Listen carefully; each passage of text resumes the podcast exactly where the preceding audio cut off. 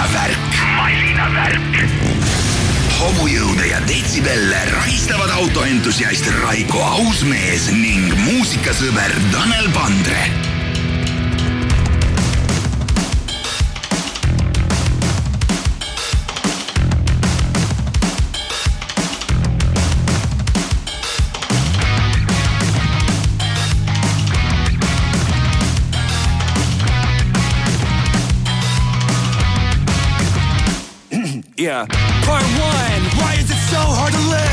2 I shouldn't have done what I did. Part 3 Everyone left me alone. Part 4 I don't wanna live anymore. Yeah, I'd rather be a freak than somebody's puppet. Release your leash. I don't belong in the circus. They cut each my wings so as my name was a curse. And now I'm six feet deep. Cause my life wasn't perfect.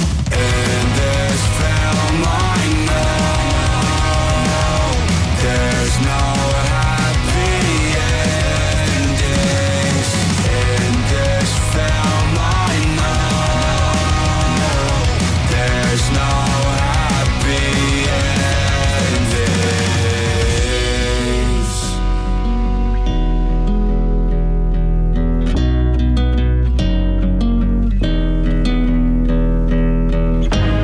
afraid they're awake. I'm cautious who I'm serenading. Summoned them by mistake. Price you pay for entertaining. Can't decide what is fake. Mercury is retrograding. How much time can I waste? Constantly feeling the same thing. Alienate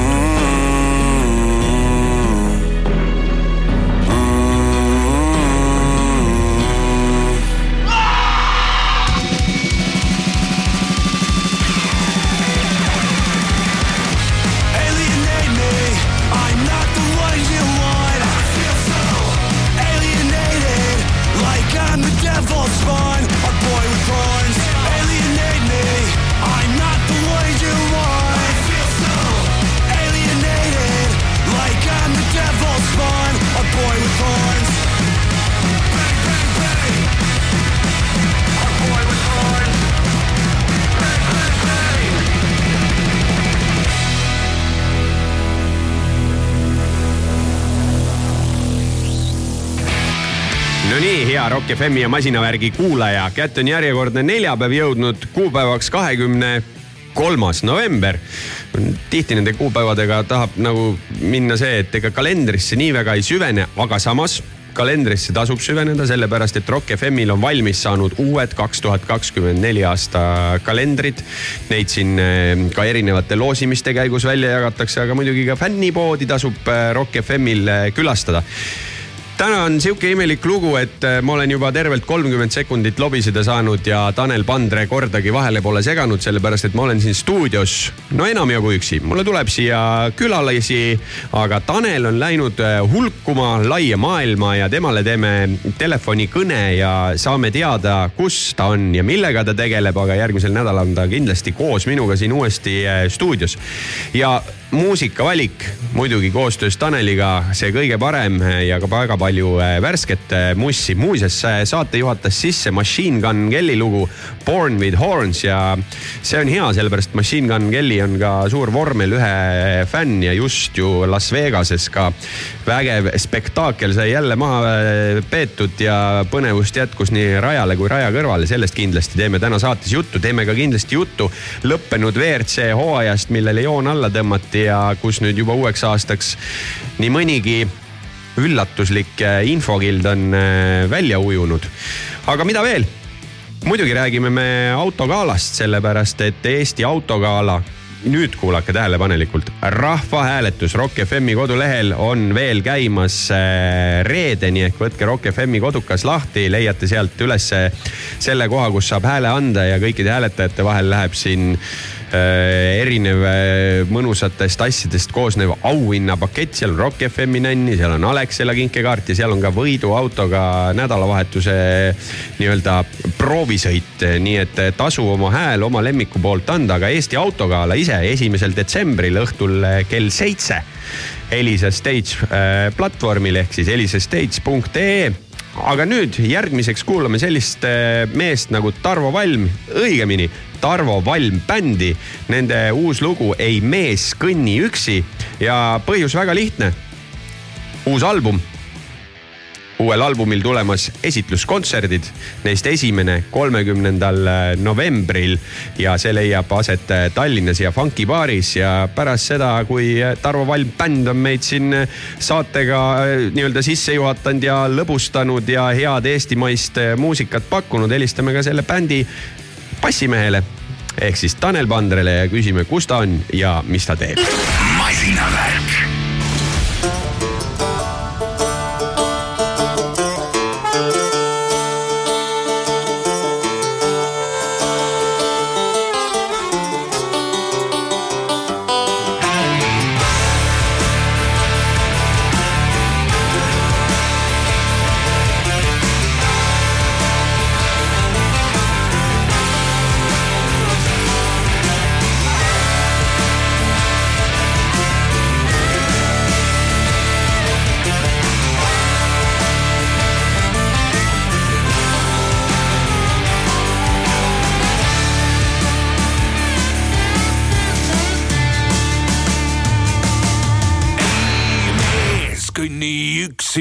teda saatmas tema tume vari.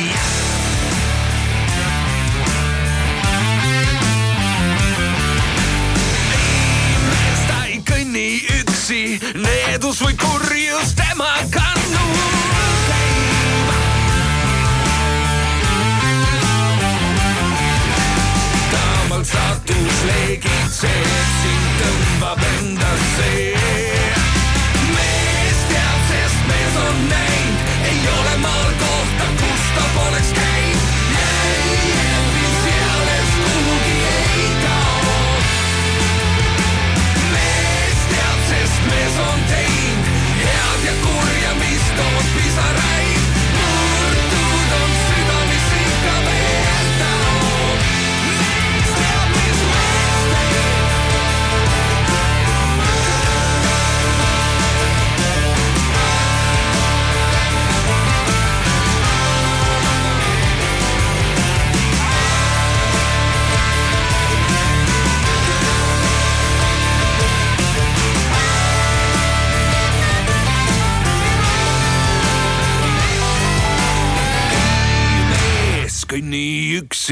teda saadab saatuse karm.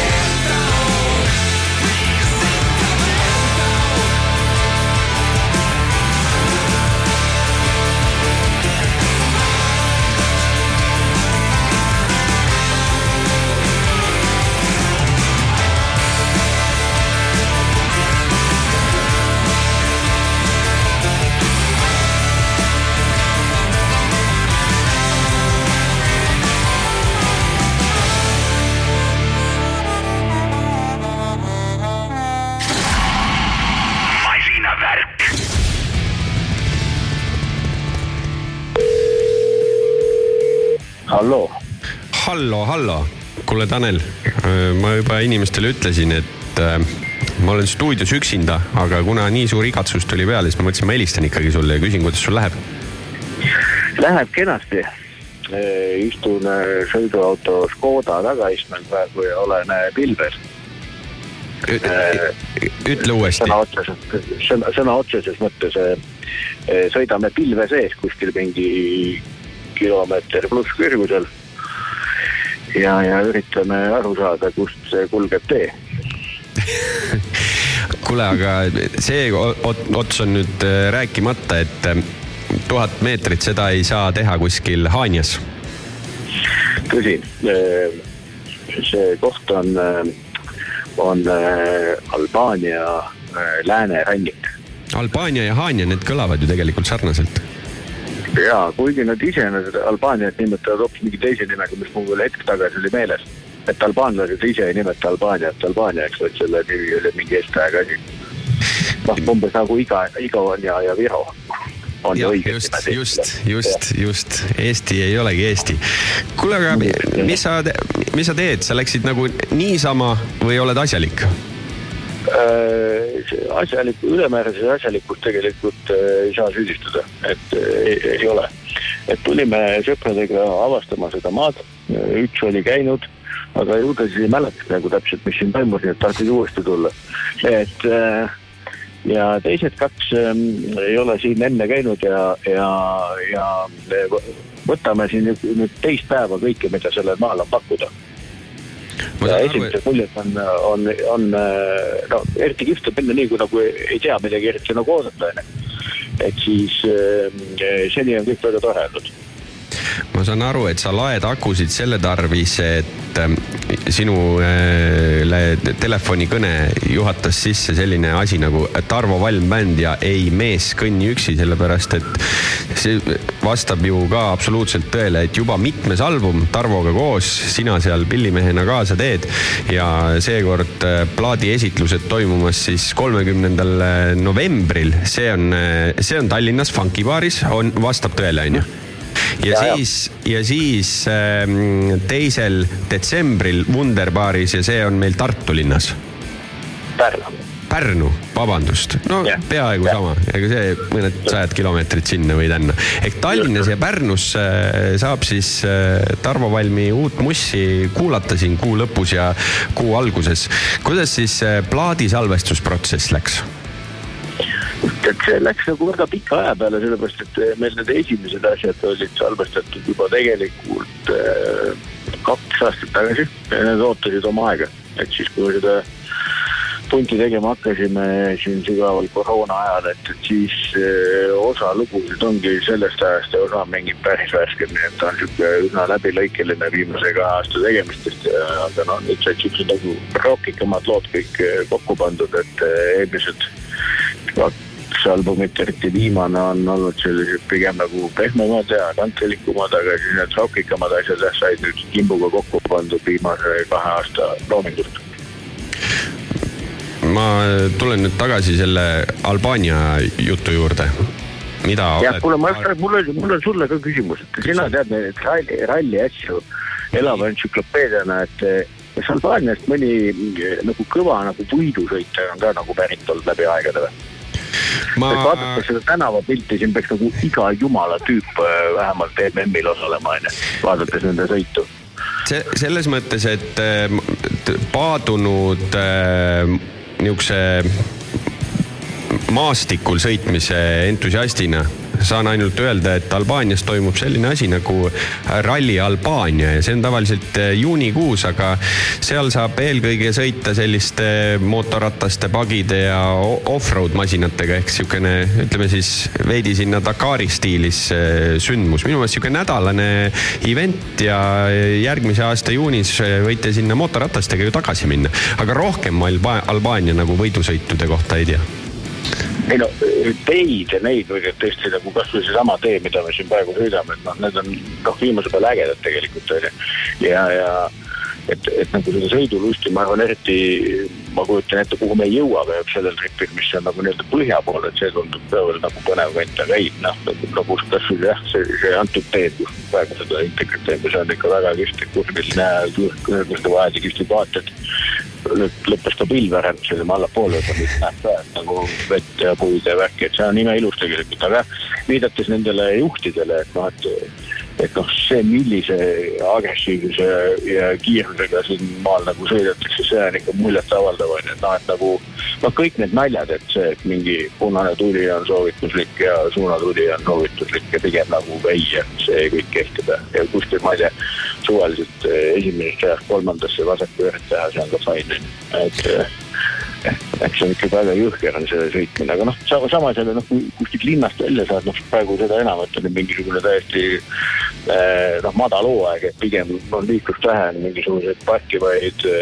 neid kämpervänne nagu teede peal ei ole, nii et noh, see on väga okei okay, praegu sõitmise mõttes, et on linnad on iga kui meil siin vaikselt juba lumetormideks kisub, siis milline on novembri lõpu Albaania ja kas eestlasele oleks see see koht, kuhu eh, minna mõnusalt oma mm, sihukest sügist, suve pikendama ja just nagu nüüdsel aastaajal või kalendrihetkel? nüüd mitte, aga kuu tagasi kindlasti, et. mis seal praegu on? praegu on sihuke nagu vahelduv, no natuke vihma, tuul oli näiteks, aga, aga selline kahekümne kraadi ringis noh, praegu muidugi päike jälle paistab, homme lubab väga ilusat ilma, mingi üle kahekümne kraadi ja päike paistab ja nii edasi, aga eks ta on ikka heitlik veel. et eh, ta ei ole kindlasti nagu puhkuseaeg praegu, praegu on ikka jah, üsna kinni asjad ja, ja, ja nii edasi, nii edasi, noh, väga-väga-väga lõõks season on ju, aga, aga jah, vaatame nüüd oktoobri mingisuguseid pilte ja värki, et siis on mingi kakskümmend viis kraadi ja kõik on okei okay., siin läheb nagu järsku külmaks. milline, milline see milline see Albaania oma olemuselt äh, selle koha pealt on, et äh, mis seal, mis seal süüa saab, millised need inimesed on, kui sa lähed kuhugi söögikohta, kuidas nad seda turisti tervitavad? tervitavad nagu hästi, et ma ütlen, meil, meil on natukene võib-olla liiga lühike olnud see aeg, et mingisugust kokkuvõtet eh, teha nagu paremat seni on olnud kuidagi uskumatult hea, et inglise keele tase on nagu okei. Okay.. igal pool räägivad, nooremad tüübid on nagu, nagu väga fluently on ja, ja, ja, ja söök on sihuke segu eh, Kreekast, Itaaliast ja võib-olla natuke ka mingit siukest slaavi tatsi, et et nagu inimesed samamoodi, et neil on ju oma keel siin, mis on nagu Kreeka ja Armeenia keelega sarnane ja, ja sihuke kuidagi mingis omas vaibis on, aga noh, turismimaa on ta kõva, et noh, kõik see rannikul ikka mingid hotellid ja kõik on nagu okei okay. ja kui sa küsisid enne, et kas nagu sihuke turismi julgen öelda küll jah, et, et siin ikka veeks omajagu. et äh, ma usun, et ikka põhikunde ongi mingi sakslased äkki ja itaallased ja kreeklased ja kõik, kellel on nagu lähedalt nagu tulla, onju, aga endake ma ei tea, mingeid britte kindlasti on ja nii edasi, onju. eestlasi, noh, väidetavalt ikka käib siin ka, onju, aga ei, no kõik on nagu valmis jah, et siin nagu millegipärast abistama ei pea. ja lend, noh, ühendused on suhteliselt okeid. ma just tahtsingi küsida, et kuidas sinna saamine on, et sihukene üks ümberistumine Euroopas ja oled kohal või?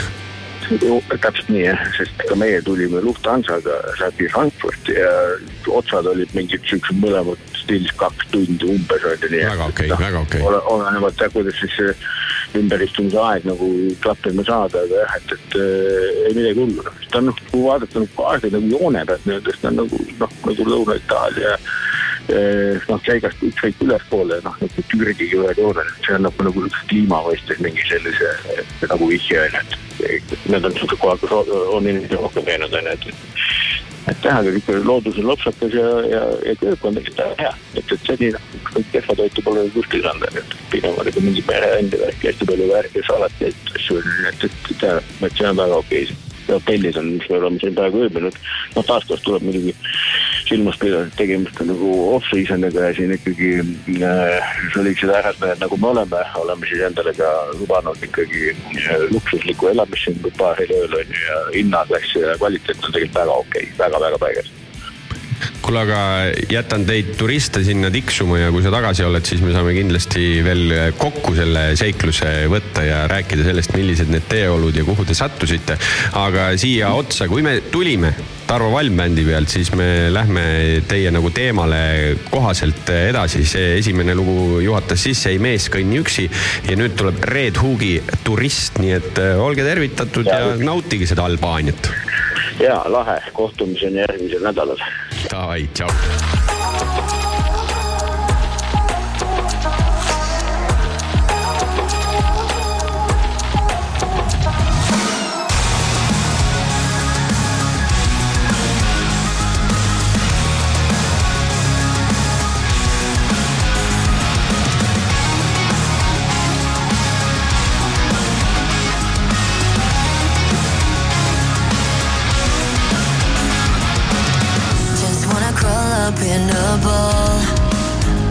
For the next 24 hours or more.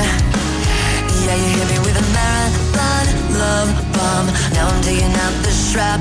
No, those silver lies, they bled me dry. Now I'm taking myself back. You're just a tourist. I quit ya. You came into my life to take pictures, bitch. Promise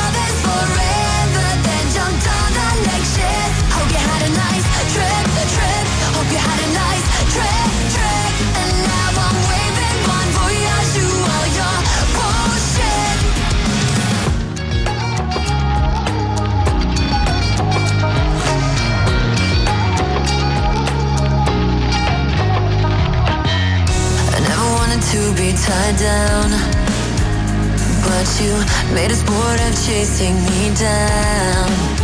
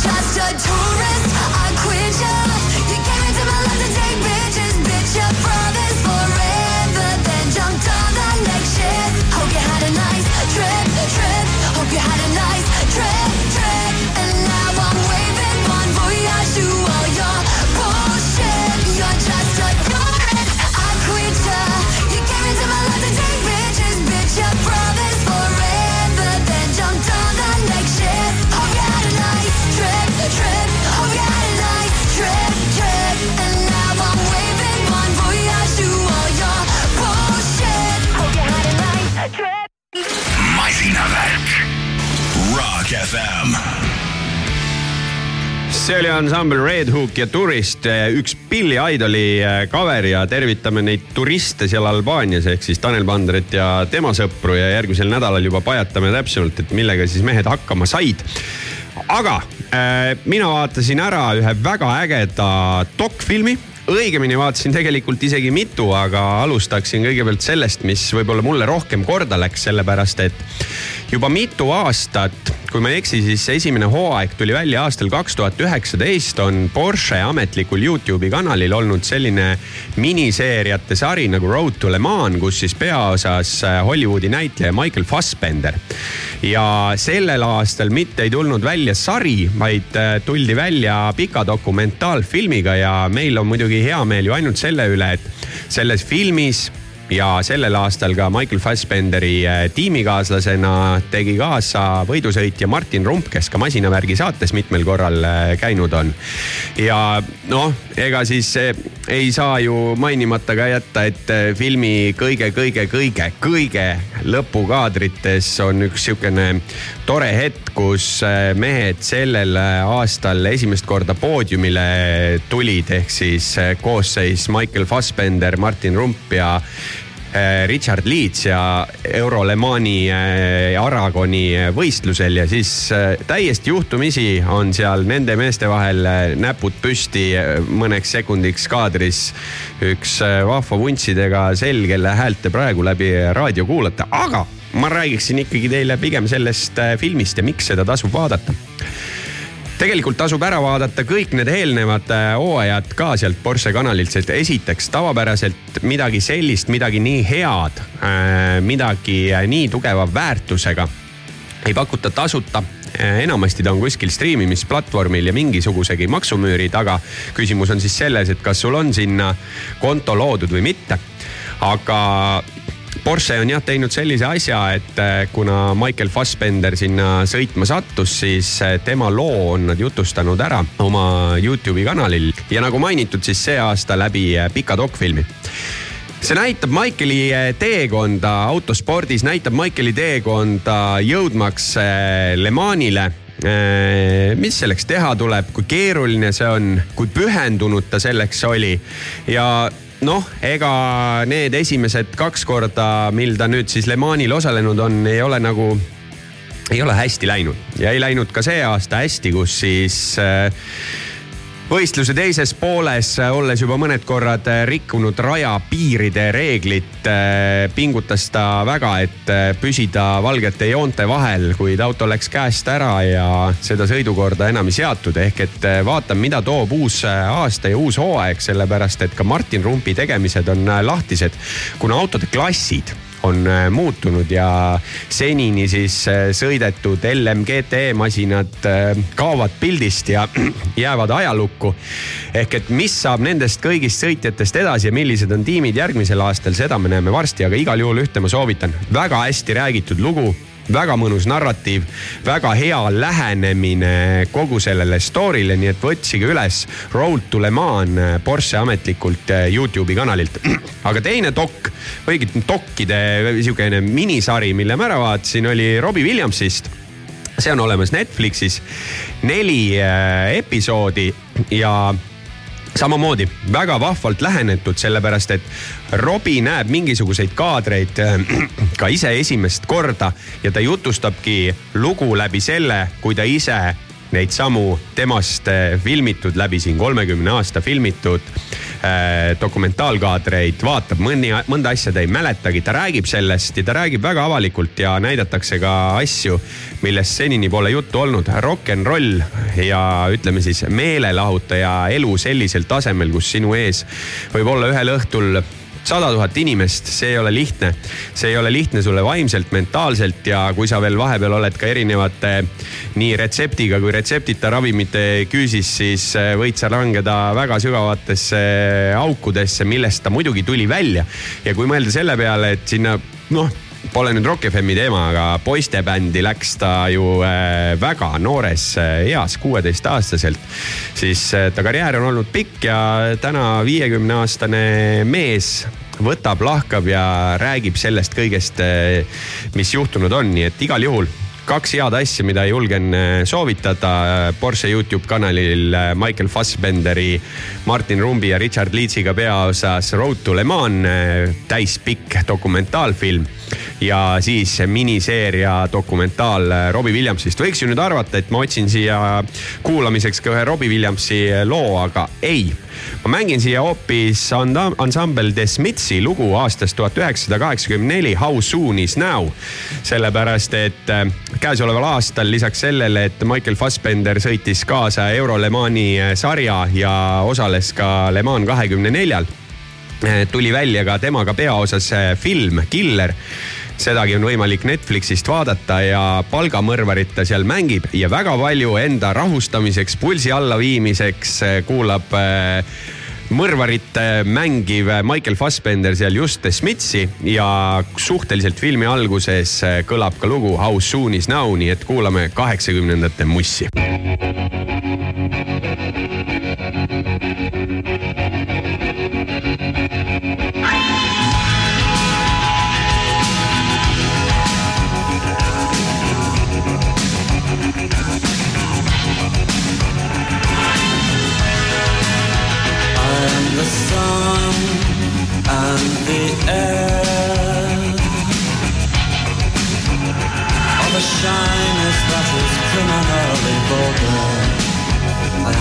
manner of nothing in particular.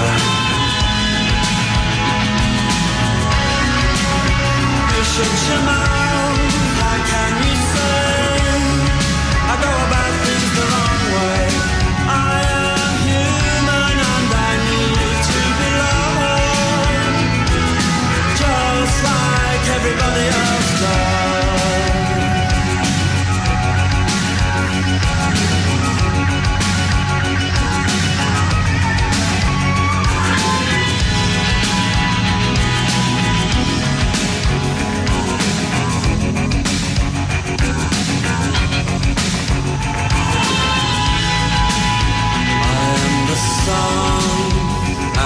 the earth Of a shyness that is criminally vulgar I am the son and heir Of nothing in particular You Should you know, how can you say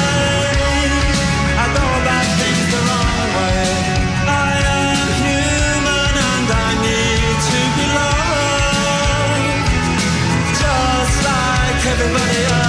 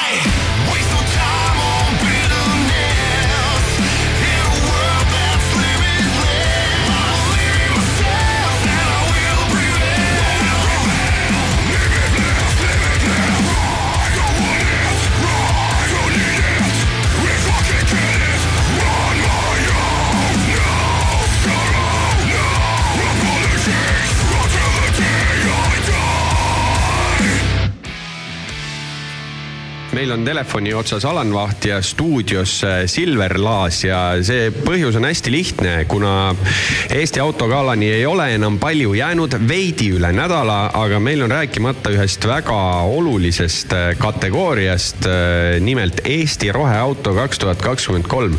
Alan, mul tuleb esimene küsimus kohe sulle. sina oled see mees, kes käib ringi T-särgiga, mille peale on kirjutatud Särtsu poiss. ütle, mis on see asi, mis hoiab inimest nii tulihingeliselt elektriauto küljes? tervitus, äh, elektriauto on särtsu täis, äh, täitsa otseses mõttes ja pakub kõrgeid emotsioone, et alles hiljuti, eelmine nädal sai sõidetud taas üle pika aja ühe bensiinimootoriga autoga ja ma mõtlesin, et appikene küll, kui keeruline ja raske ja ebamugav on sõita bensiinimootoriga autoga. Nii lihtne see vastus ongi, kui sa korra saad aru sellest maitsest, millist naudingut päriselt pakub äh, elektriauto, no siis sa mitte midagi muud enam ei taha Silver, sul on ka mingisugune oma seos elektriautodega olemas, ma saan aru, onju? ja mul on nüüd sellest suvest alates liigun ka igapäevaselt elektriautoga täitsa. ja kuidas on? Äh, ma ütlen äh,, alguses mingid väiksed hirmud. väike sihuke. no mis nüüd saab ja see just see, noh, kas aku ja millal ja kuidas peab planeerima, aga nagu nüüd, kui ma olen olnud juba alates nüüd juulikuust, eks ju, äh, peaaegu varsti pool aastat äh,. täiesti asjatud hirmud olid, et kõik see osa ja minu jaoks on just see, et see nagu see vaikus ja see igalt kiiruselt hetkeline kogujõud taha, vot see on asi, millega noh, ta näeb täpselt nagu Alan ütles ka, et, et kui sa lähed korraks istud mingisugusesse Bolti mingi rendikasse, et siis on ikka tunne, no mis, mis, mis juhtus nagu, et kas auto on katki, et miks ta ei liigu nagu. kuule, aga kui me vaatame Eesti roheauto kakskümmend kakskümmend kolm finalistide peale, siis siin siia hulka tundub nagu oleks ära eksinud üks auto, millel on ju bensiinimootor eh, ka peal eksisteerimas ja selleks on eh, Toyota Prius. kui mõelda üldse sellel aastal turule tulnud elektriautode peale, siis eh, ma küsin, Alan, sult hoopis sellise küsimuse, et kas see auto, mis kõige paremat sõiduelamust on sulle sellel aastal pakkunud, on ikkagi finalistide hulgas ka olemas või oli selleks hoopis midagi muud? Et tead, siin äh, on täitsa, meil on ju viis äh, finalisti. Äh, kas oled need finalistid välja hõiganud? Me, me veel ei, selles mõttes siin hetkel kõne jooksul me veel ei ole, et tõesti, nad on BMW i7, Hyundai Ioniq kuus, Mercedes-Benzi EQE SUV, Volkswagen ID.Buzz ja siis üks mainitud teistest nagu erinev Toyota Prius, aga no roheauto me oleme endale üles seadnud sedasi, et see ei pea olema elektriauto, sellepärast ka ei ole, me ei vali aasta elektriautot, vaid me valime autot, mis on kõige rohelisem, millel jalajälg siis võiks olla ka nii-öelda keskkonna ja tulevikku arvestades väiksem kui teistel ja sinna, ma arvan, see Prius sobitub ütleme, ma olen täiesti päri, kõik need autod, ütleme autosid oli meil valikus äh, palju rohkem. Äh, kõik need autod on mingil põhjusel pääsenud žürii liikmete valiku põhjal viie hulka ehk et finalistide hulka. Ja, ja ma kaitsen seda Toyotat, Priust, ehkki ta ei ole täiselekter. Ja nagu sa ütlesid õigesti, ei peagi olema täiselekter, ta peab olema Eh, millegiga eristuv, eh, kus siis eh, on rohesse või puhtasse kliimasse nii-öelda mingisugune panus antud, siis Toyota puhul see on fenomenaalne, millist aku siis eluiga Toyota nii-öelda julgeb välja öelda. ma küll ei pea silmas ainuüksi Priust, aga üleüldiselt, kui sulle öeldakse pressiteate vahendusel, et Toyota eh, garanteerib kümme aastat või miljon kilomeetrit ja aku mahtuvusest säilib seitsekümmend protsenti.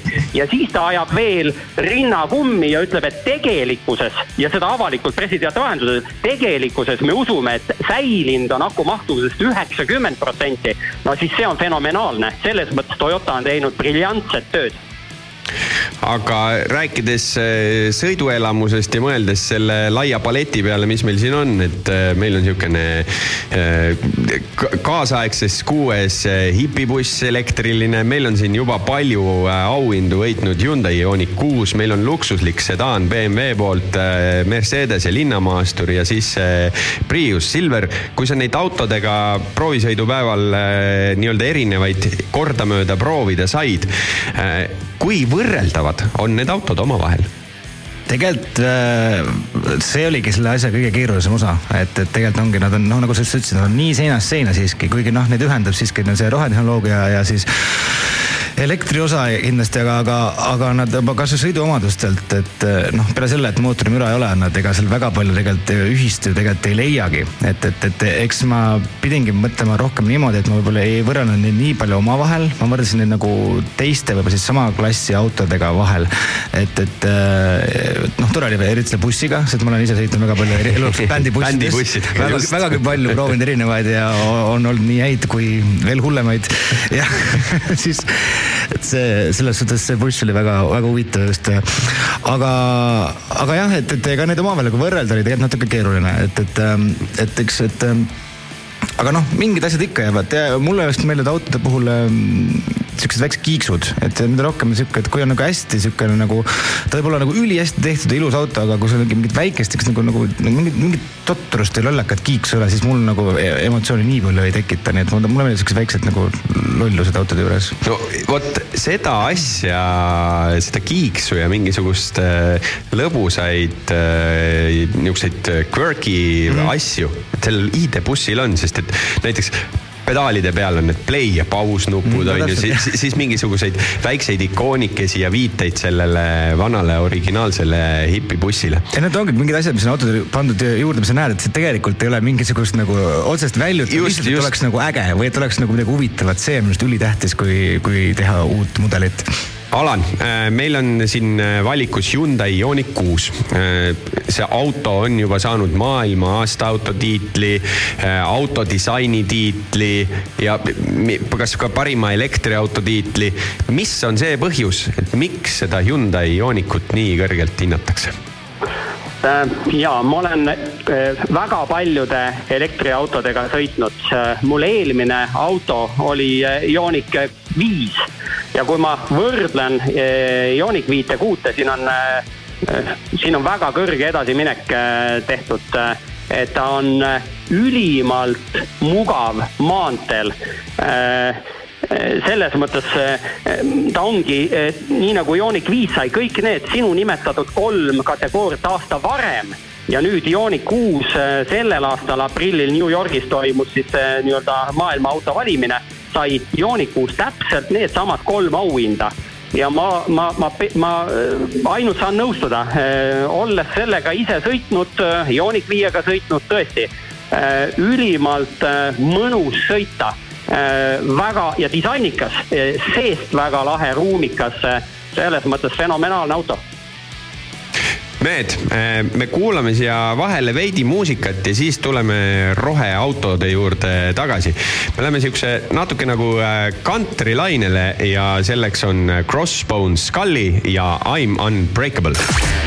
masinavärk, masinavärk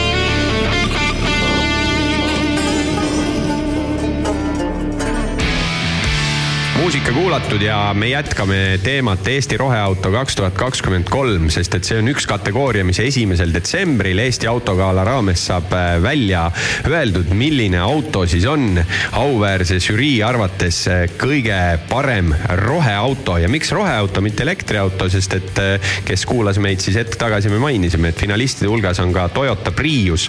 Ja see on masin, mis on ju tegelikult legend ja teerajaja olnud siukses hübriidautonduses juba aastakümneid. Stuudios minuga koos on žürii liige Silver Laas pigem tuntud muusikuna, pigem tuntud Trafficust, teeb igasugu muid projekte ja meiega on telefoniga liitunud äh, Alexela mees Alan Vaht. Alan, ma iga kord pean nagu täpsustama ikkagi, et mis see sinu positsioon seal Alexelas on peale selle, et sul see särtsupoisi särgiga ringi käid? hea küsimus, ma olen olnud eluaeg fossiilimees ma ei tea, kahe tuhandenda algusest küll vedelkütuse varuagentuuri kütusevarud fossiili põhjal üles ehitanud ja nüüd ja Alexelas vedanud ka kütuse müügiäri, ärimüügi poole pealt. see pööre sai kuidagi tehtud nii, et ega, ega üleminek elektriautodele on toimumas, see on Euroopa ju poliitikasse sisse kirjutatud, et kolmekümne viiendast aastast ei tohi enam sisepõlemismootoriga või ütleme, mis heitmeid tekitab, neid autosid müüa.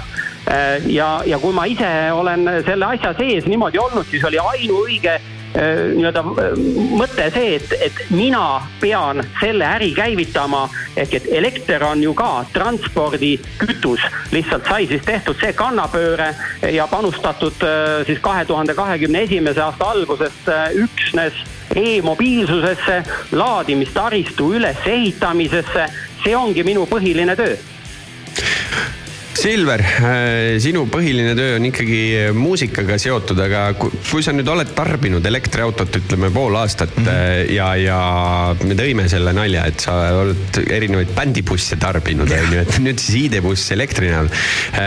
mis sa arvad, kui ruttu toimub ka see üleminek, et nii-öelda bändibussid võiksid elektrilised olla, sest tegelikult valikut turul on, aga teatud aspektides just bändi vaatest hetkel tundub nagu, et midagi võib jääda puudu ja päris kuskilt noh, nagu ütleme Tallinnast Treskiküüni ja tagasi tundub hetkel veel keeruline. no hetkel natuke on jah, et, et ma arvan ka, et bändibussi mõttes on natuke, võib-olla natuke veel vara minna selle peale päris üle, sest et need päris need ütleme siis need kõik range'id ja asjad ei ole veel nagu päris sealmaal, sest ütlen, meil on ka rekordpäevad, kus ma olen sõitnud siin Eestis äh, ongi bändibussis istud siukene kaheksasada, kaheksasada viiskümmend kilomeetrit Eestis, et kui mitu kontserti Eesti otsas, et, et siis ja on siuksed pidevad nagu jooksmised, et sul tegelikult ei ole nagu väga aega, aga ma ütlen samas see taristu laadimistaristu ka tegelikult ju, noh, ma olen pärast nagu ma selle elektriauto endale ka hankisin, siis äh, olen igast äh, gruppides Facebookis ja mujal hoidnud rohkem silma peal, sest tegelikult see taristu täieneb mitte nagu noh, ütleme nädalatega siiski juba. et iga nädal on praktiliselt jälle, et see on avatud jälle siin uus laadimis, jälle uus siin laadimisjaam ja see, seda on nagu tõesti rõõm vaadata ja, ja ka endal nagu, kui sa pead sõitma oma autoga ringi Eestis, et, et see tegelikult areneb ikkagi ülimalt kiiresti praegu, mida on nagu elektriauto omanikuna juba tore näha. Alan, Alexela poole pealt, kui mitu laadimisjaama täna Eestis Alexelal on ja räägime, räägime pigem nendest viiskümmend kilovatti ülesse, kus ikkagi sihukene, ütleme kiiremini saab laadida uh, neid, nii nagu Silver ütles, neid äh, laadimisjaamu tekib nagu äh, seeni äh, pärast sügist vihma. nii on ka meil ma nüüd mõtlen, kas see oli nüüd eelmine nädal, me avasime taas järgmised laadijad, lõime kaheksa täiendavat laadimiskohta Ülemiste Tehnopoli. kusjuures seal meil juba oli kaheksa laadimise kohta, lõime veel kaheksa tükki juurde. tõesti, neid, neid jaamu tekib niimoodi, et ei jõua enam üles lugeda, ma päriselt, ma, ma, ma mõtlen, et meil, kui me ütleme, et me mitte ei loe laadijaid, vaid me loeme tegelikult laadimisotsikuid, kus ja, ühe korraga saab mitu autot laadida. võtame näiteks Paia ristis üks laadija, mille taga on neli otsikut ehk et neli autot saavad korraga laadida.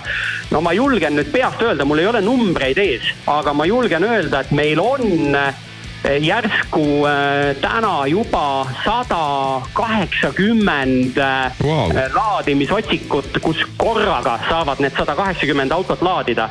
et äh, ja, ja tuleb juurde, tuleb juurde niimoodi, et äh, me ei jõua nii palju pressiteateid teha ja mul on isik- isiklikult tunne, et ajakirjandus on täna kuidagi väsinud, et siin-seal iga nädal uued laadijad, keegi ei jõua neid enam kajastada, sest see kuidagi nagu ei ole enam see uudisväärtus. tavapärase elu osa. see on nagu ilmateade. absoluutselt, täpselt, et noh, mida sa ikka kajastad, eks ole. aga vähemalt on nagu kogu aeg on positiivne ilmateade ilmateade võib vahepeal ka nagu kehv olla. kuule, aga Alan, küsimus selline, et kui nüüd Tartu maantee ja Pärnu maantee peal on kaks olulist asja ehk siis tikupoiss ja täkupoiss olemas, et kas Peterburi maantee suund ka Alexela poolt mingil hetkel ette võetakse? jah, täpselt, see on ette võetud, meil on äh, väga magusa koha peal äh, maatükk äh, olemas, jättes hetkel selle nii-öelda täpselt avaldamata, aga me loodame, me loodame, et äh, et ülejärgmine aasta äh, saab see äh, nii-öelda jaam ka valmis ehitatud ja täpselt samasuguse suure plaaniga, nii nagu sai tehtud äh, äh, Sauga äh, Täkupoiss, nii saab ka äh, sellesama Peterburi maantee peale kusagile sinna keskele tehtud üks väga tõsine suur jaam, mis ongi energiakaubamaja ja seal saab olema väga ohtralt särtsu.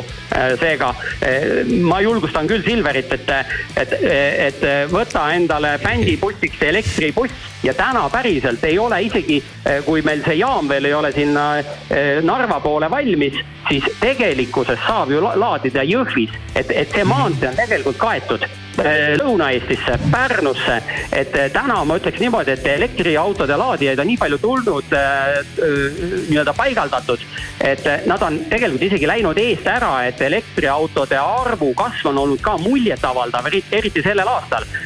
ja me peame lihtsalt hoidma sammu ja tempot, et panna laadija juurde, et ei oleks seda momenti, kus sa pead kuskil järjekorras ootama. Ja, ja sellega me tegeleme mehed, lõpetuseks selline väga lihtne küsimus. ja, ja mõlemale. Silver, sa saad esimesena vastata mm. -hmm. mis on ühe hea nagu elektriauto siukene kõige, kõige tähtsam omadus, kas see on sõiduulatus või on see midagi muud? Äh, ma olen nüüd täitsa, täitsa aus ja, ja võib-olla see ei ole nagu õige vastus, aga minu jaoks on ikkagi äh, kiirendus. Ma ei saa, ma ei saa üle ega ümber sellest. okei, see ja see okei. hetkeline kiirendus, et ei ole mingit läägi, mitte midagi, vaid on kohe on minek, vot see on minu jaoks äh, lihtsalt nii on, see mu süda põksub tänu sellele kiiremini. Alan, sul?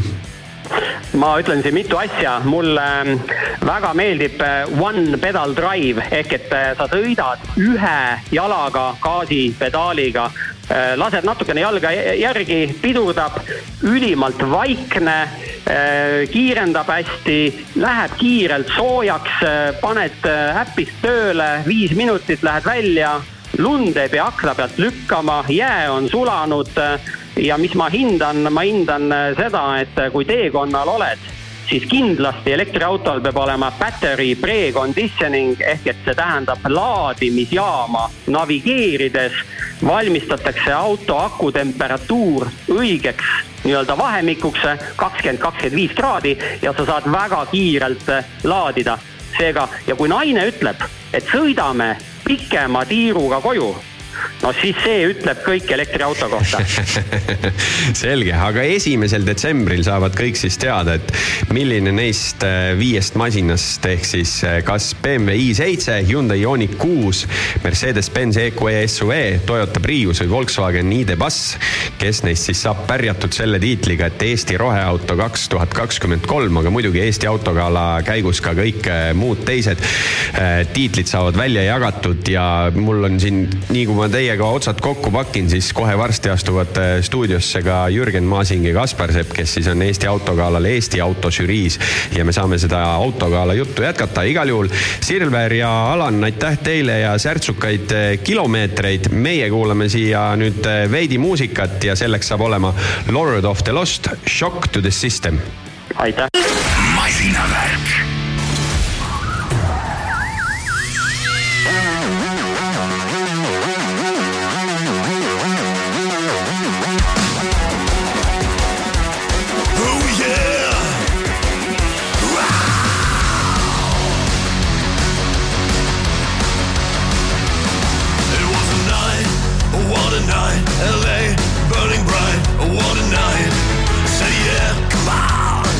Make my world stand still.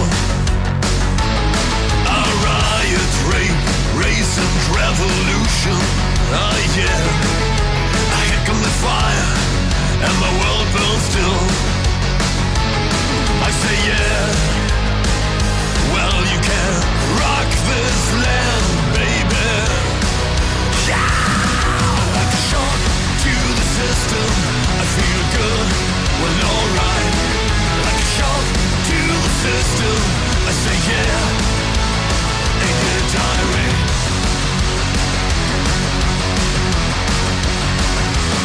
it was a night, hell of a night, LA, it really was a wanna ride. I said, yeah, come on, and make my life feel real. Fear, police and civil corruption. Oh, yeah, is there a man who be king and the world stood still? Oh, yeah, now you can rock this land, baby. Like a shot to the system I feel good, well alright. Like a shot to the system I say yeah. Come on baby. Shot to the system I feel good, well alright Like a shot shot to the system I say yeah,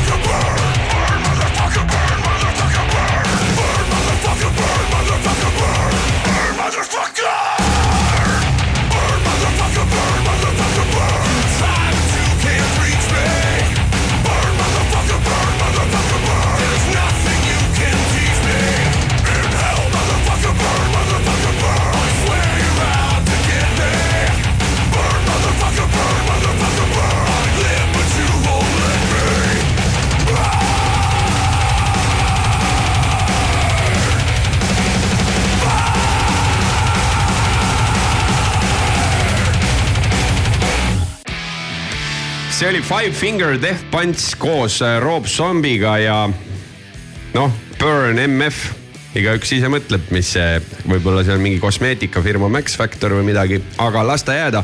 meie kavatseme võib-olla rääkida burn imise koha pealt äh, burnout'ist, sellepärast et minuga on siin stuudios nüüd ühinenud Jürgen Maasing ja Kaspar Sepp ja me räägime Eesti autogala põhikategooriast, sest et hetk tagasi Silveri ja Alaniga rääkisime roheautodest. kuigi jaa, põhikategooria finalistide hulgas on ka roheautosid ja on ka kattuvusi, siis äh, Kaspar, kuidas sinul suhe, ütleme siis elektriautodega on?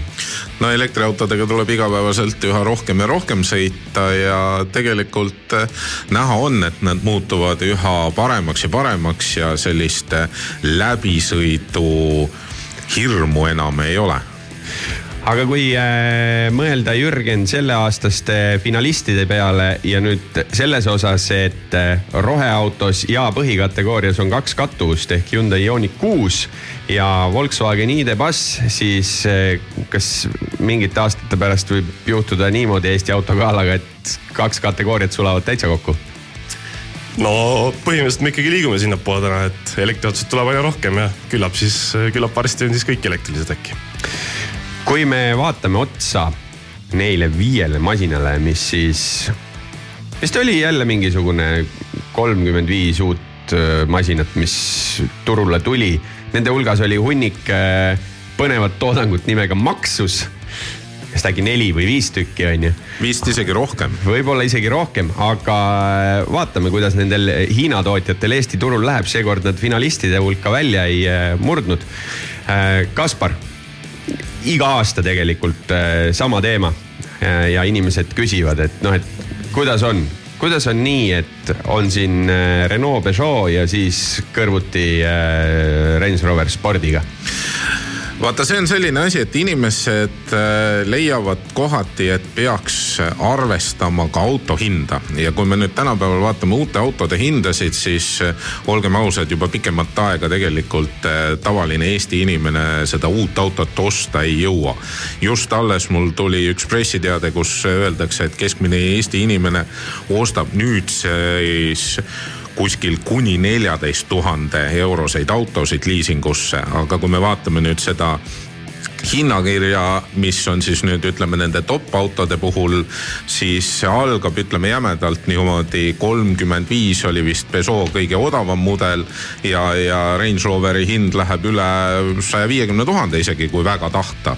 aga mina ei ole kunagi seda hinda niimoodi otseselt võtnud äh, aluseks, sellepärast et ega premium auto tootja ei ole ju süüdi selles, et tema teeb äh, kallima auto.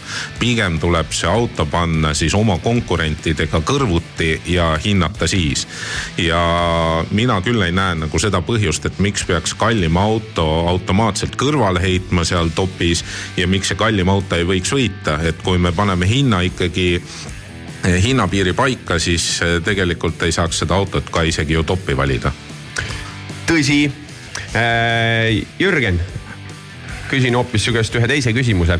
kui sa mõtled äh, käesoleva autoaasta peale, siis kas sul on mõni äh, sõiduelamus, mis sulle väga meeldis või meelde jäi? tead, ma pean ütlema, et tegelikult seesama Rover Sport, mis meil ka finalist on.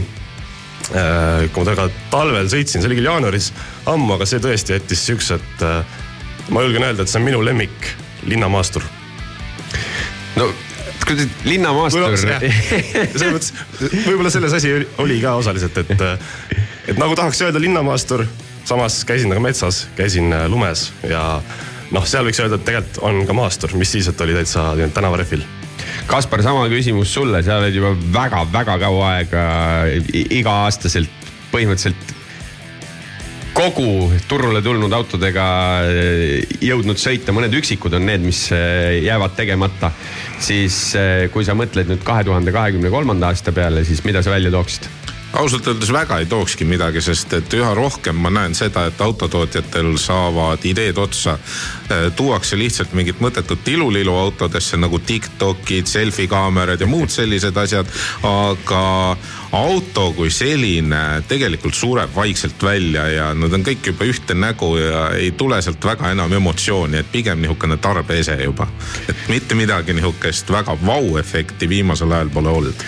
no kui sa sellest ühenäolisusest räägid ja vaatame korra neid finaliste. Hyundai Ioniq kuus, Range Rover Sport, Peugeot nelisada kaheksa, Renault Austral ja Volkswagen ID.Buzz ma ei ütleks, et need ühte nägu autod on. no kui me võtame Renault ja Peugeot, siis tegelikult nad on enam-vähem ühte nägu. üks sama klass äh, hübriidid mõlemad, mis meil olid proovisõiduautod, hinnaskaala enam-vähem sama, praktilisuse suur, öö, osas enam-vähem sama. ja kui silmad kinni panna ja inimene sinna autosse, ega ta väga vahet ei tee, et kas see on Peugeot või Renault. See kõlab küll päris äh, julmalt, aga no ma päris sada protsenti nõus ei ole. aga kui võtame Jürgen nüüd hoopis, äh, võrdleme siin kahte elektrikat, mis finaalis on, Ioniq kuute ja Volkswagen ID.Buzzi, polegi ju nagu midagi võrrelda. no minu arust on see, et äh, ID.Buzz, ID.Buzz tegi selle Volkari, mis ta on siis, MEB platvorm ma tundsin seal, et see on nagu, selle platvormi on nüüd kuidagi värskelt kasutatud. samas Hyundai siis noh, nii EV6 kui Ioniq viis võitnud meeletut auhindasid. et see EGMP platvorm, ma ei ütle, et on halb, aga ta on nagu natukene juba nagu tavaline või noh, ta on nagu hea töö. ehk et eh, kui elektriautosid vaadata, siis eh, nii Hyundai kui Volkswagen on täiesti õigustatult eh, finaalis pigem ma ütleks seda Hyundai puhul, kuna nende elektritehnoloogia on ikkagi selles klassis äh, teistest natukene kõrgem, kuna nad kasutavad ikkagi kaheksasaja voldist äh, platvormi, mitte neljasaja voldist platvormi nagu teised.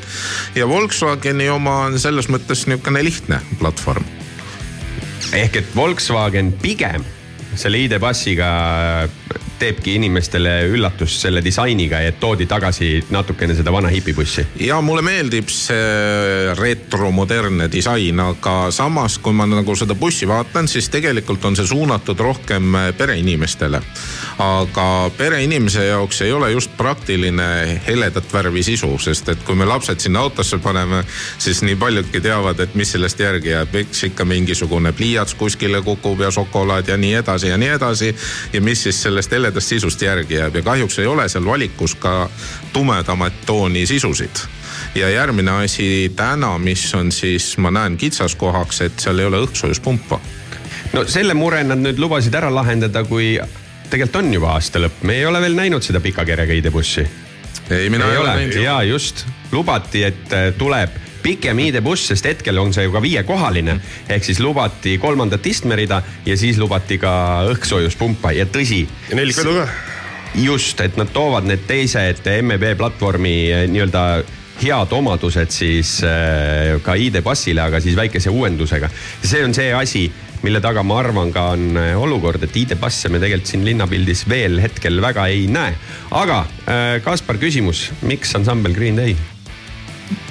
Selles mõttes, et äh, hea, neil on selles hea sound on nendel, et nad on suutnud selle heli hästi paika panna ja. ja kui sul on autos ikka korralik helisüsteem, et siis on nauditav kuulata. nii et kuulame siia vahele Green Day Bang Bangi ja siis tuleme veel autogala juttude juurde tagasi.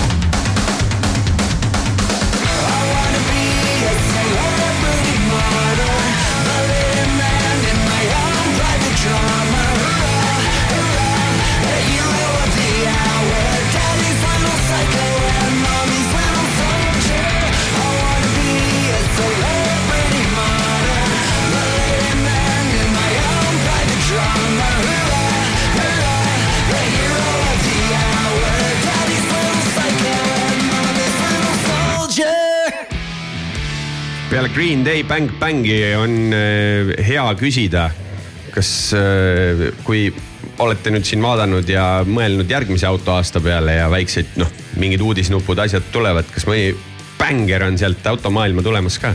mida nagu tasuks oodata või mis võiks, mis oleks sihuke proovisõit, mida nagu kaks tuhat kakskümmend neli aastast ootaks? EV9 ma arvan okei, okei, Kiia, Kiia, Kiia EV9, suur, ütleme ikkagi na, linnamaastur pluss ja elektriline. ma tegelikult saladuskatte all ütlen, et seda lubatakse isegi aasta lõpuks vist isegi meile. Ei, ega see nii saladuskate pole, seda, seda on öeldud, aga no ütleme, et äh, kõik ei jõua detsembris sõitma. ta jääb ja me mõtleme ka niimoodi. Eesti autogala suhtes, see jääb järgmise aasta valikusse. Kaspar, sul pole mõelnud veel niimoodi? ei ole nagu mõelnud tõesti ja, ja kuna seda elektrit tuleb üha rohkem ja rohkem juurde, siis ootaks, et tuleks mõni analoogauto, et mis oleks selline ehe, suure mootoriga tagaveoline, mis pakuks emotsiooni. Äh, ma mõtlen, võib-olla üldse küsiks se- sellist asja. Sellised autode valimised, ise me oleme otsustanud, et äh, neid teeme, valime, kaasame siin ka autogalaga mingitesse kategooriatesse rahvast, et ka nemad saaks kaasa rääkida. aga kas päriselt on neid ikkagi vaja ja mida see nii-öelda peaks siis andma tarbijale või auto edasimüüjale, maaletoojale? Kindlasti on vaja, no millegipärast on ju vaja Oscareid ja, ja muid selliseid asju, lähed ju ikka ju vaatad Oscari filmi, kuna kriitikud on ju öelnud, et see on hea. Võta näiteks kasvõi Forest Gump või mõni selline film.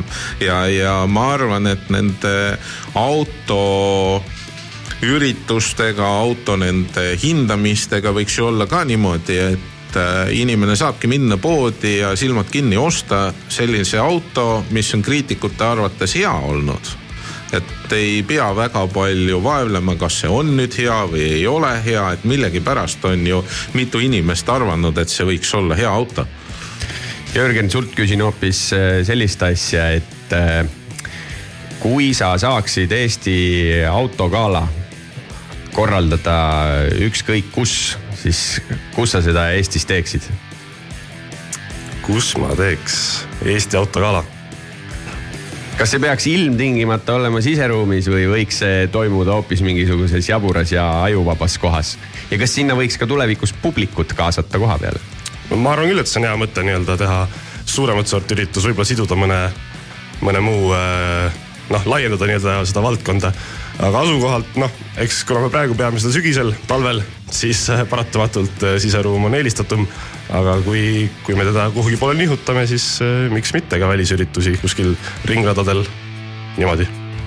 Aga kas Eesti autogalast võiks saada midagi sellist, et võib-olla toimub mitu sündmust aastas, et üks asi on see kulminatsioon, autode valimine, aga siis sellisel ilusamal ja helgemal perioodil, sest sa mainisid seda kliimat, tõsi, Eestis on teatav äh, piirang just sellega, et kui me tahame nagu aastat kokku võtta siis seda oleks mõistlik teha kas aasta lõpus või uue aasta alguses, aga no ei ole sihukene, autos sees on muidugi hea olla aga neid filmida, pildistada, mingit sündmust korraldada ei ole kõige mugavam äh, aeg. aga kui tuua mingisugune lisa sihuke äh, sündmus mängu, kas sellisel asjal võiks ka mingi jume olla või ma ei tea, teha võib-olla koostöös siin mõne autokogunemisega veel midagi lisaks? ma arvan küll, et see on igati mõistlik, mõistlik mõte.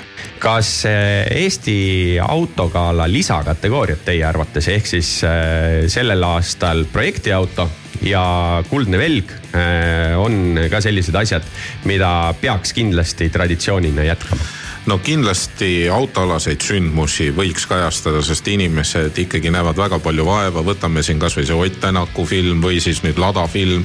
inimesed on väga palju vaeva näinud, otsinud maailma pealt üles kõik need vanad autod. miks mitte neid tunnustada? projektiauto osas no ma näen ka, et nagu projekti, projektiauto kategoorial on väga suur see eelis, et äh, kui me siin valime Hyundai Ioniq kuue ja Range Rover Spordi vahel, siis, äh, siis projektiauto kaasab need inimesed, kes äh, hommikust õhtuni garaažis kuskil enda BEM-i või mingit JDM masinat putitavad, et, et nad saaks ka osa, et me kaasame nagu neid ka, sest et paratamatult kõiki need uued autod ei huvita tõsi äh.... ma, ma ütleks veel vahele, et ma just vaatasin neid äh, projektiautosid, mis oli. finaliste siis? ja, finaliste ja see Lincoln, mis on esindatud, see on tõesti väga hästi tehtud, et kui ma nägin seda American Beauty Show'l, siis ma vaatasin seda nii ühe kui teise nurga alt ja no tõesti kõik värvikvaliteet, tuba, kõik, kõik on ikka väga perfektselt tehtud. ja, ja kui me nendest projektiautodest räägime, siis veel pühapäevani te leiate Eesti Autogala Facebooki lehelt ülesse lingi ja saate hääletada, sellepärast et projektiautode lõpptulemus saab siis olema viiskümmend, niisugune natukene nagu Eurovisiooni kopeerime. viiskümmend protsenti rahvahääled, viiskümmend protsenti žürii hääled, me näeme, kas need ka ühtivad või arvab rahvas ühtemoodi ja žürii teistmoodi. aga leiate selle lingi Eesti Autogala Facebookis, saate anda oma hääle. igale hääletajale on seal ka äh, väikene auhind ja kui keegi tahab neid projektiautosid, neid finaliste näha, siis need on tegelikult kuni autogalani T1 äh, keskuses väljas aga tulles nüüd rahva hääletamise juurde. ma küsiks tegelikult selle asja, kas teie olete üldse hääled andnud projektiautodele? mina? nagu sina. mina, mina nagu olen sina. andnud. Mina ikka. mina andsin, mina andsin eile esimesena sellepärast, et ma panin ise selle asja ülesse ja siis ma panin kohe oma lemmikule hääle ära. kahel põhjusel. esiteks, et hääletama peab ja teiseks, et kontrollida, kas süsteem toimib. ja sama ma olen ka rahvahääletusel teinud ja rahvahääletus käib äh, Rock FM-i äh, kodulehel ja see läheb tegelikult äh, lukku juba homme õhtul, nii et need, kes nüüd saadet pühapäeval järele kuulavad, need saavad ainult mõelda, et miks nad hääletamas ei käi. ja muuseas, rahvahääletusel on väga positiivne see, et kui eelmine aasta jäi niimoodi veidi puudu, et tuhat häält kokku teha, siis äh, hetkeseisuga läheneme kahe tuhandele hääletajale. ja muuseas, kas te teate, et Emori kodulehel on äh, kirjas, et hea küsitluse tegemiseks äh, on vajalik kokku koguda nii-öelda, et Eesti rahvast mingi arvamus kujundada, on see siis mingi poliitiline küsimus või majandusteema, siis viissada kuni tuhat häält, nii et me oleme selle künnise nagu mitmekordselt juba hääletajatega ületanud. prooviks siis seda projektiautode nagu rahvahääletuses äh, samuti teha. kuulge, lõppu küsiks äh, sellise asja, et äh, mis on see põhjus, miks minna esimesel detsembril õhtul kell seitse Elisa States platvormile ja Eesti Autogala ülekannet vaadata? Sellepärast, et sa oled kindlasti sinna välja mõelnud erinevaid show sid. keegi tuleb kindlasti esinema sinna, keegi tuleb, teeb mingit visuaalset show'd. teine asi on see, et saab äh, autosid vaadata, saab äh, infot autode kohta ja no loomulikult, eks ju, mingisugune põnevus on ju ka, et tahaks näha ju, kes need võitjad on. jah, sest võitjaid on mitu meie siin teie kui eh, Eesti autožürii liikmetega keskendusime küll viiele nii-öelda kõige põhilisemale, aga tegelikkuses on veel roheauto, sportauto ja siis need eh, kuldse välja ja projektiauto lisakategooriad. Jürgen ma olen põhimõtteliselt Kaspariga nõus, et äh, kui sind vähegi midagi autode puhul huvitab, siis, siis tasub ikka vaadata. ja vaadates, vaadates, kui paljud inimesed siin automaksu najal on justkui läinud jube kõvaks autofänniks, siis võiks ju neid äh, jälgijaid olla, nii et äh, kui sind autod ka ei huvita, siis võta ikka esimesel detsembril õhtul kell seitse Elisa Stage'i.ee leht lahti ja leiad sealt Eesti autogala kaks tuhat kakskümmend kolm. Jürgen, sa lisaks sellele, et oled autofänn, äh, oled ka tegev sihukeses kollektiivis nagu Feach. olen. ja kuigi ma siin täna teen saadet üksi, siis mul muidu on alati üks bassimees kaasas ja täna ma nagu ilma ei saanud, et sina oled selles ansamblis äh, bassimees ja kuulaks ühte teie bändi lugu, mis me siia lõppu inimestele paneme. tuli, ma ei mäletagi nüüd, kas see oli septembri algul vist, tuli siis äh, Dreams nii-öelda singlina koos muusikavideoga, minge vaadake kindlasti. mida muideks, millele andis voolu Kiia EV6 oma Vehicle to Load äh, siis äh, funktsiooniga. no näed, saab äh, siduda bändi tegemist, autofännlust ja elektriautosid, nii et siit ta tuleb. Feats ja Dreams ja aitäh teile, mehed.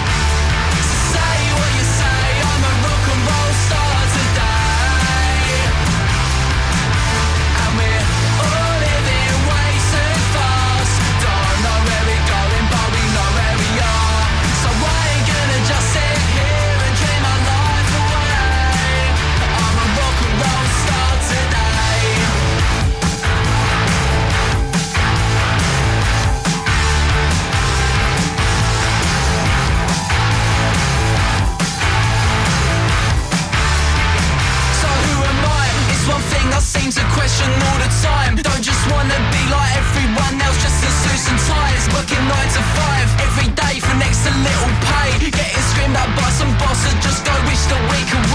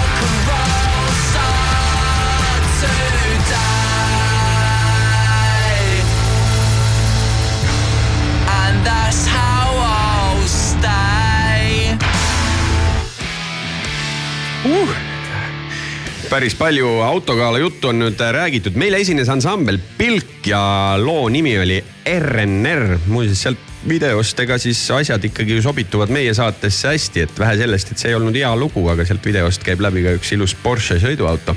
sportauto oleme täpsed. aga lubatud sai, et räägime teile ka natukene autospordist ja äh, lähme siis kõigepealt selle F1 juurde, mille etapp üle mitme-mitme, üle mitmekümne aasta Las Vegases toimus. viimati seal siis kaheksakümnendate alguses ja tol ajal ehitati see rada äh, Caesars Palace'i parklasse, kuid sinna suure parkla peale suudeti ikka päris mitu kilomeetrit rada maha äh, nii-öelda nõkerdada, siis äh, seekordne etapp täiesti uuel rajal, tänavarajal Las Vegases. Las Vegase, ütleme linna külastajad, elanikud olid siin juba häiritud pool aastat, sellepärast et ega see ettevalmistustöö oli seal äh, päris pikk ja ka Las Vegas Stripi pealt äh, läksid võistlusmasinad läbi. väga huvitav korraldus mm, selles mõttes, et äh, kõik võimalik tehti, et keegi saaks tasuta vormel ühte vaadata. kui sa linnarajal midagi sellist teed, siis see on äärmiselt keeruline ja igasuguse jalakäija sildade peale ja kõikvõimalikesse kohtadesse olid pandud siis ka siuksed vaatamist piiravad ütleme siis tekstiilkatted ja kleebised, aga samas oli ikka huvitav jälgida, et kui siit sotsiaalmeediast nägid, et inimesed üritasid igal võimalikul hetkel osa saada sellest, mille jaoks neil piletit ei olnud, et kui kuskil eskalaatori või trepi peal liiga kauaks seisma jäädi ja rahulikult võeti, siis olid Las Vegases päris mitu turvatöötajat, kes siis inimesi sundisid edasi liikuma, aga sellest hoolimata nii mõnigi inimene suutis kuskilt aia vahelt ka natukene mingit äh, otse striimimist äh, teha ja kajastada seda võistlust äh, ka sellisest äh, vaatevinklist, et mismoodi on vaadata ühte F1 võistlust, mis on korraldatud ühes suures linnas, linnas, mis kunagi ei äh, maga ja tehtud seda siis sel viisil, et äh, võistlust näeksid ainult need, kes äh, on selleks pileti soetanud. noh, omapärane vaatepilt algas pigem negatiivselt, sellepärast et äh, vabatreeningu ajal siis ütleme noh, kanalisatsiooni kaevuluuk äh, oli see, mis äh, oli lahtine ja kahjustas Carlos Sainzi vormelit äh, nii palju, et Ferrari tiim pidi vahetama välja seal jõuallikat, põhjakatet ja nii edasi.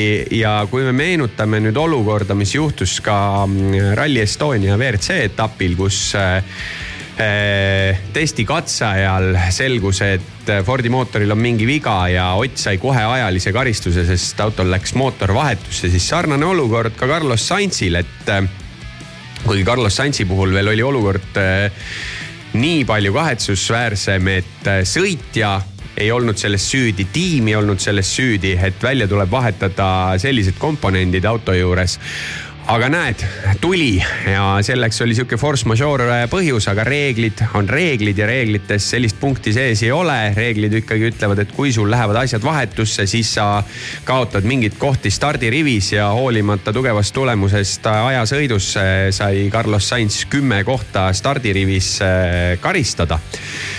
aga vaadates nüüd äh, lõpptulemusele otsa ja tegelikkuses oli väga-väga-väga põnev äh, võistlus selles mõttes, et äh, kuigi jah, järjekordselt äh, lõpptulemusena Max Verstappen esimene ja kakskümmend viis punkti talle, siis need vahed ei olnud väga suured ja Charles Leclerc oli vägagi lähedal ka selle etapi võidule. aga mida Charles Leclerc tegi?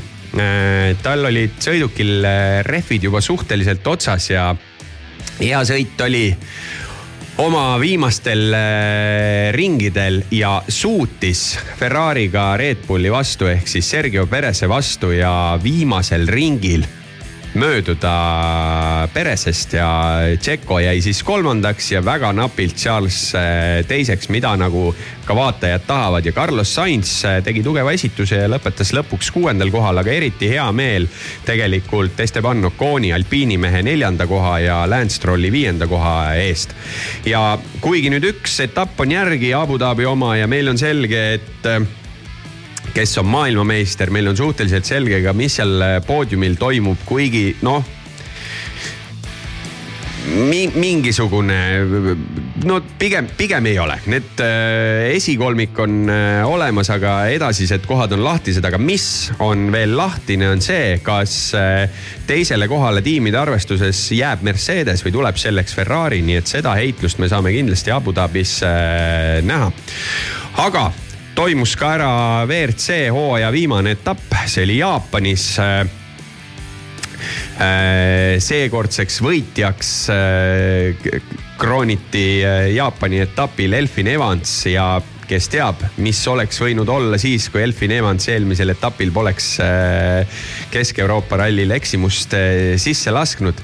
no seda ei oska niimoodi ette ennustada, aga lõpptulemusena siis äh, jah, hooaja kokkuvõttes Ott Tänakule seekord eh, neljas koht, kindlasti ta ei ole sellega rahul, kindlasti oleks võinud minna paremini, samas kaks äh, Äh, kõige kõrgemat kohta Rootsis suhteliselt hooaja alguses ja nüüd Tšiili äh, siin hooaja lõpus sai ju ka esikohale rallidel tuldud, aga pigem, millest me saame ja võime rääkida, on see, et mida siis ootab ees järgmine hooaeg. ja me ei näe WRC rallit Eestis, selleks äh, kõige lähem koht saab olema Soome või siis Läti, kellele kust lähemal sõita, sõita on aga me ei näe Kalle Roandperat, kes on kahel viimasel hooajal olnud vaieldamatu tiitli pretendent ja teistest justkui ka üle ja ka väga hea autoga sõitnud. ei näe teda kaasa tegemas tervet hooaega, sest kaks tuhat kakskümmend neli teatas äh, Kalle Roandpera, et teeb kaasa pooliku hooaja ja jagab justkui autot siis Sebastian Ogieriga ja nemad mõlemad siis on Toyota tiimis siuksed äh, osalised sõitjad ehk järgmisel aastal kindlasti väga suur võimalus äh, maailmameistriks tulla Ott Tänakul, liikudes ka selleks Hyundai äh, tiimi. uskudes, et äh, Hyundai pakub talle paremaid tingimusi, paremat autot, seda elame-näeme, aga samas on tiitli pretendendiks ka Thierry Neuville ja ka Elfin Evans, nii et ma arvan, et see, kui ka nüüd Kalle tervet hooaega kaasa ei tee, ei tee seda nagu vähem põnevaks, vaid pigem võib just olla nii, et päris mitu meest näevad, et nüüd on see nende aasta ja nende võimalus. kui räägime sõitjatest ja tiimidest, ega seal mingit suuri just tiimide osas äh, asju ei ole, meil on endiselt Toyota, Hyundai ja M-Sport siis äh, Fordiga.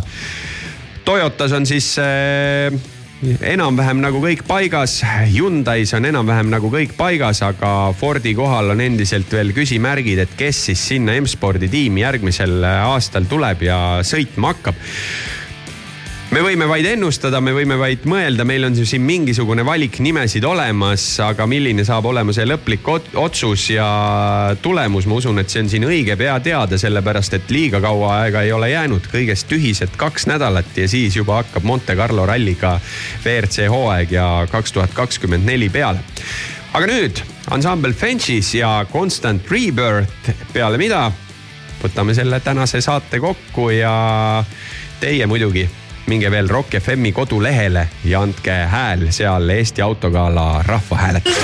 masinavärk.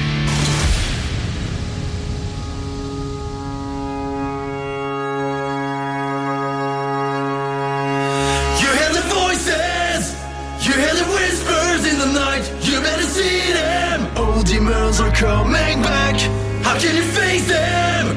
How do you avoid them in your life? You're in trying.